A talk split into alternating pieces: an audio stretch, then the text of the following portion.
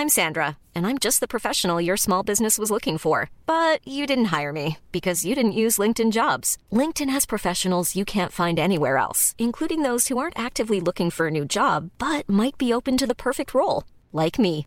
In a given month, over 70% of LinkedIn users don't visit other leading job sites. So if you're not looking on LinkedIn, you'll miss out on great candidates like Sandra. Start hiring professionals like a professional. Post your free job on linkedin.com/people today.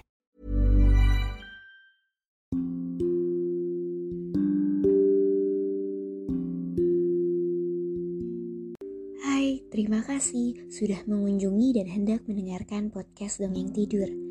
Aku Irene Vita. Selama ini, aku pakai aplikasi Anchor untuk buat dan publish seluruh episodeku. Kalian juga bisa loh download dan pakai Anchor untuk buat podcast karena 100% gratis dan bisa didistribusikan ke Spotify dan platform podcast lainnya. Selamat mendengarkan Burung Biru Kebahagiaan Part 2. Semoga lekas tidur dan bermimpi indah.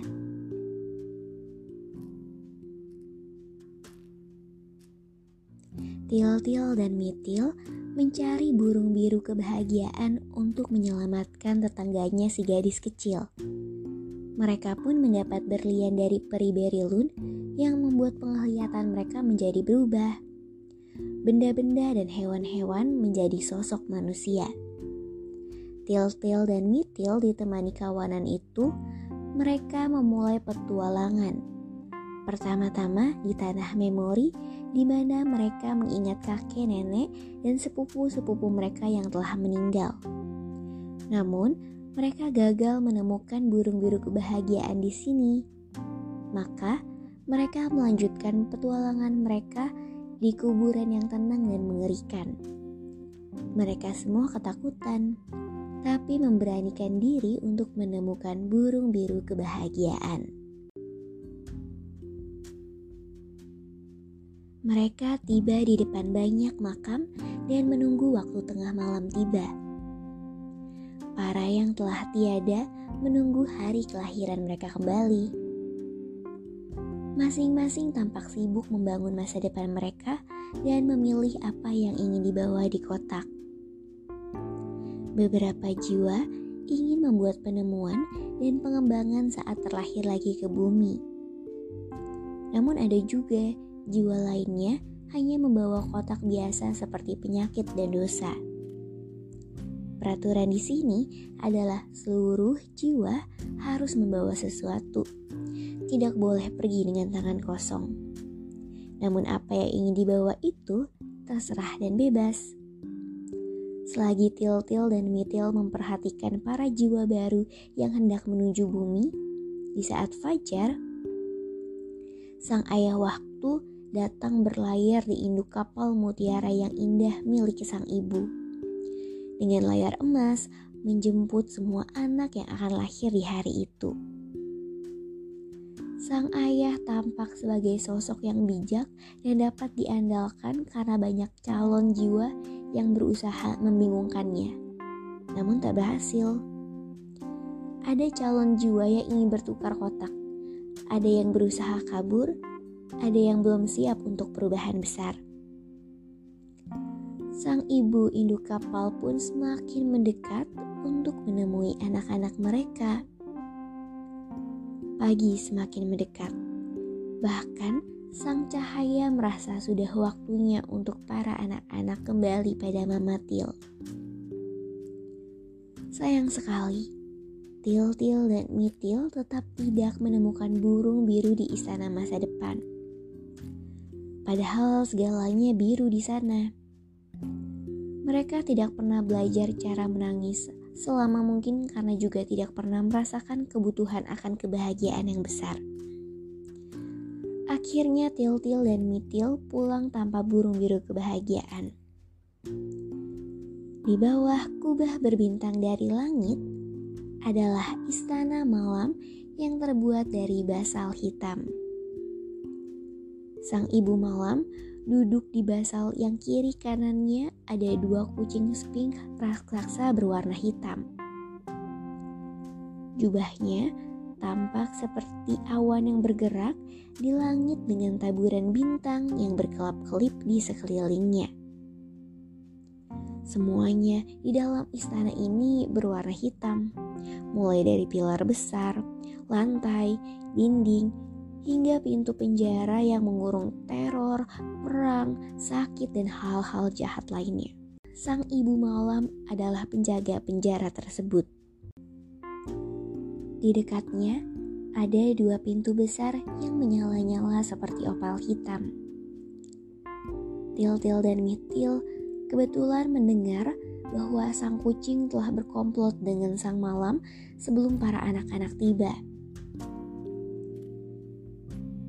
Menguping dan tahu bahwa di balik pintu opal hitam itu ada burung biru yang adalah burung mimpi yang memakan sinar bulan.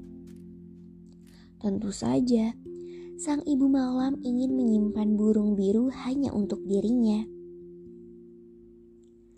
Sang ibu malam pun berjanjian dengan sang kucing dan sudah sepakat akan menakuti anak-anak agar mereka kabur tanpa membuka pintu opal hitam.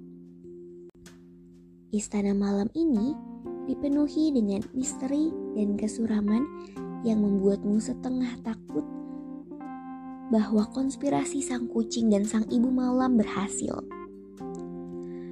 Meskipun pintunya indah, tapi mungkin itu yang membuat keabadian dan ketidakterbatasan dan semuanya menjadi tidak terasa nyaman. Namun, setelah membuka berbagai hal di sekitar yang mengeluarkan sejumlah hal aneh dan menarik, dari kunang-kunang hingga es di kepala, Til-til beberapa kali ketakutan dan membuka pintu berasap itu. Tiba-tiba mereka melihat muncullah taman peri yang indah. Sumber air tak terhitung akan menyemprot air ke bulan. Dan seluruh udara dipenuhi dengan ratusan burung biru. Sang ibu malam dan sang kucing dengan khawatir memperhatikan para anak-anak yang mengelilingi tempat itu dan berkeliaran dengan tangan penuh. Sang kucing dengan riang mengumumkan kalau burung biru sejati hanya dapat tinggal di cahaya bulan. Dan anak-anak hanya akan membawa burung impian lainnya yang hanya bisa tinggal di taman sang ibu malam ini. Seperti yang telah dikatakan sang kucing, anak-anak pun membawa burung-burung pada sang cahaya namun kemudian menangis saat melihat satu persatu burung yang mereka bawa mati.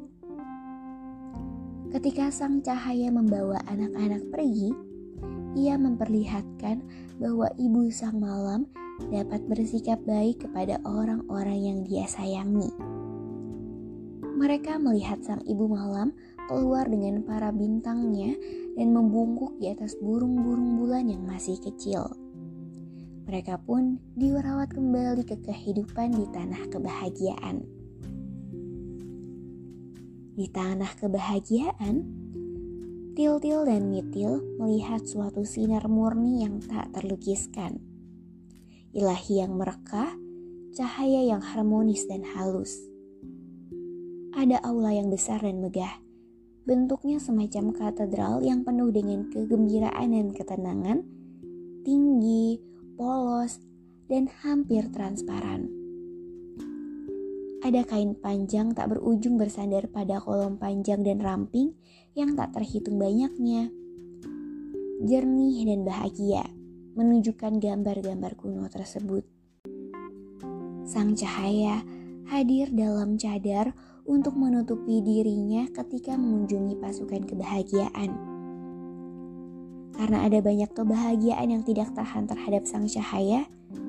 Selain itu, mereka juga takut mereka jadi tidak dapat bahagia. Allah pun mulai segera terisi dengan sosok para malaikat yang tampaknya muncul dari tidur panjang dan meluncur dengan kompak di antara tiang-tiang. Mereka mengenakan gaun berkilauan dengan nuansa lembut dan halus ada mawar yang merekah, air yang tersenyum, embun seperti amber, fajar biru, dan lainnya. Sang cahaya menjelaskan pada Tiltil dan Mitil bahwa itu semua adalah pasukan kebahagiaan.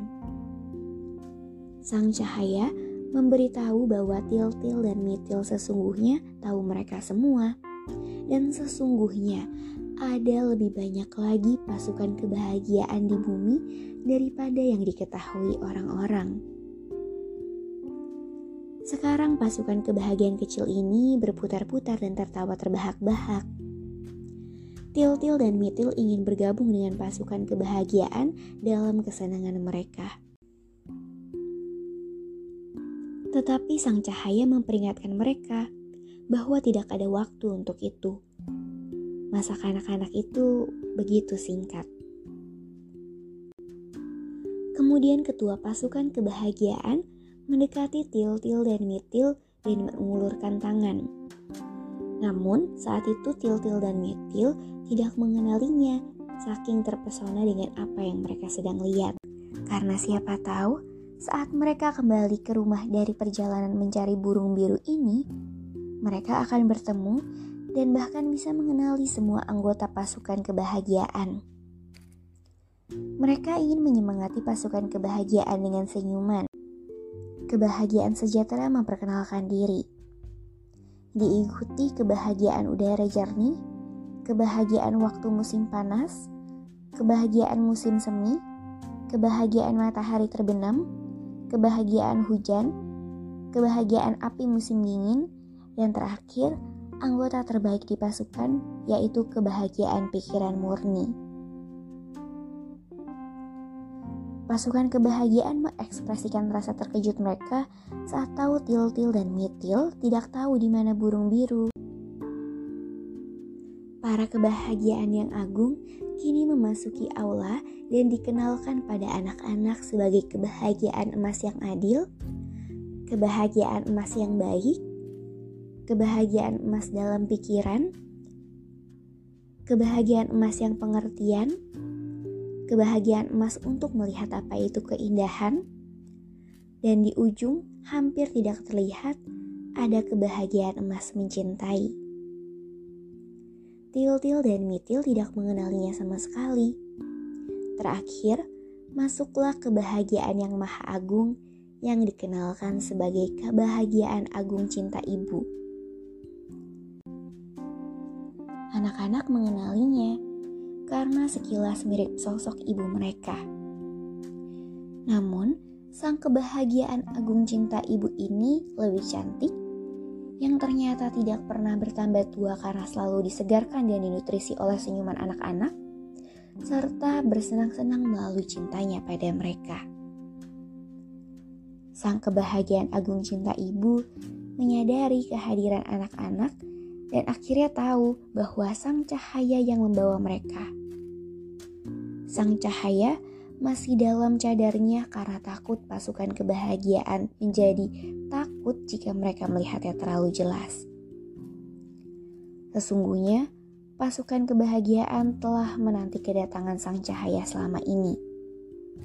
Kehadiran sang cahaya menciptakan getaran bagi para pasukan kebahagiaan yang mencarinya mereka tidak bisa melihat yang melampaui mereka. Tak bisa melihat melampaui bayangan mereka, mimpi mereka, hingga mereka berlutut di hadapan sang cahaya.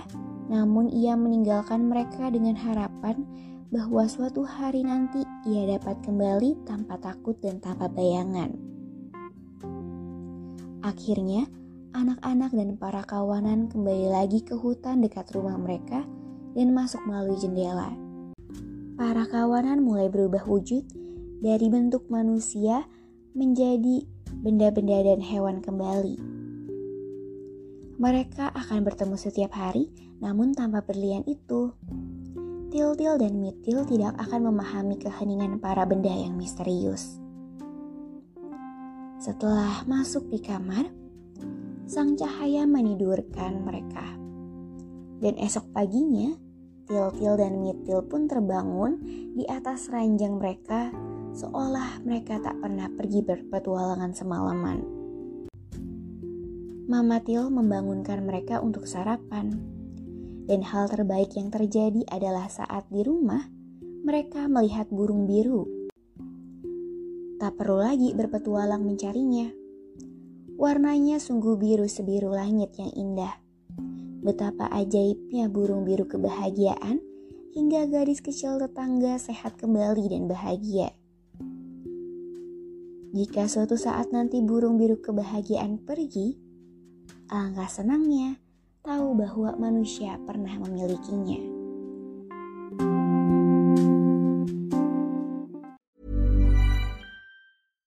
Hi, I'm Daniel, founder of Pretty Litter. Cats and cat owners deserve better than any old fashioned litter. That's why I teamed up with scientists and veterinarians to create Pretty Litter. Its innovative crystal formula has superior odor control and weighs up to 80% less than clay litter. Pretty Litter even monitors health by changing colors to help detect early signs of potential illness. It's the world's smartest kitty litter. Go to prettylitter.com and use code ACAST for 20% off your first order and a free cat toy. Terms and conditions apply. See site for details.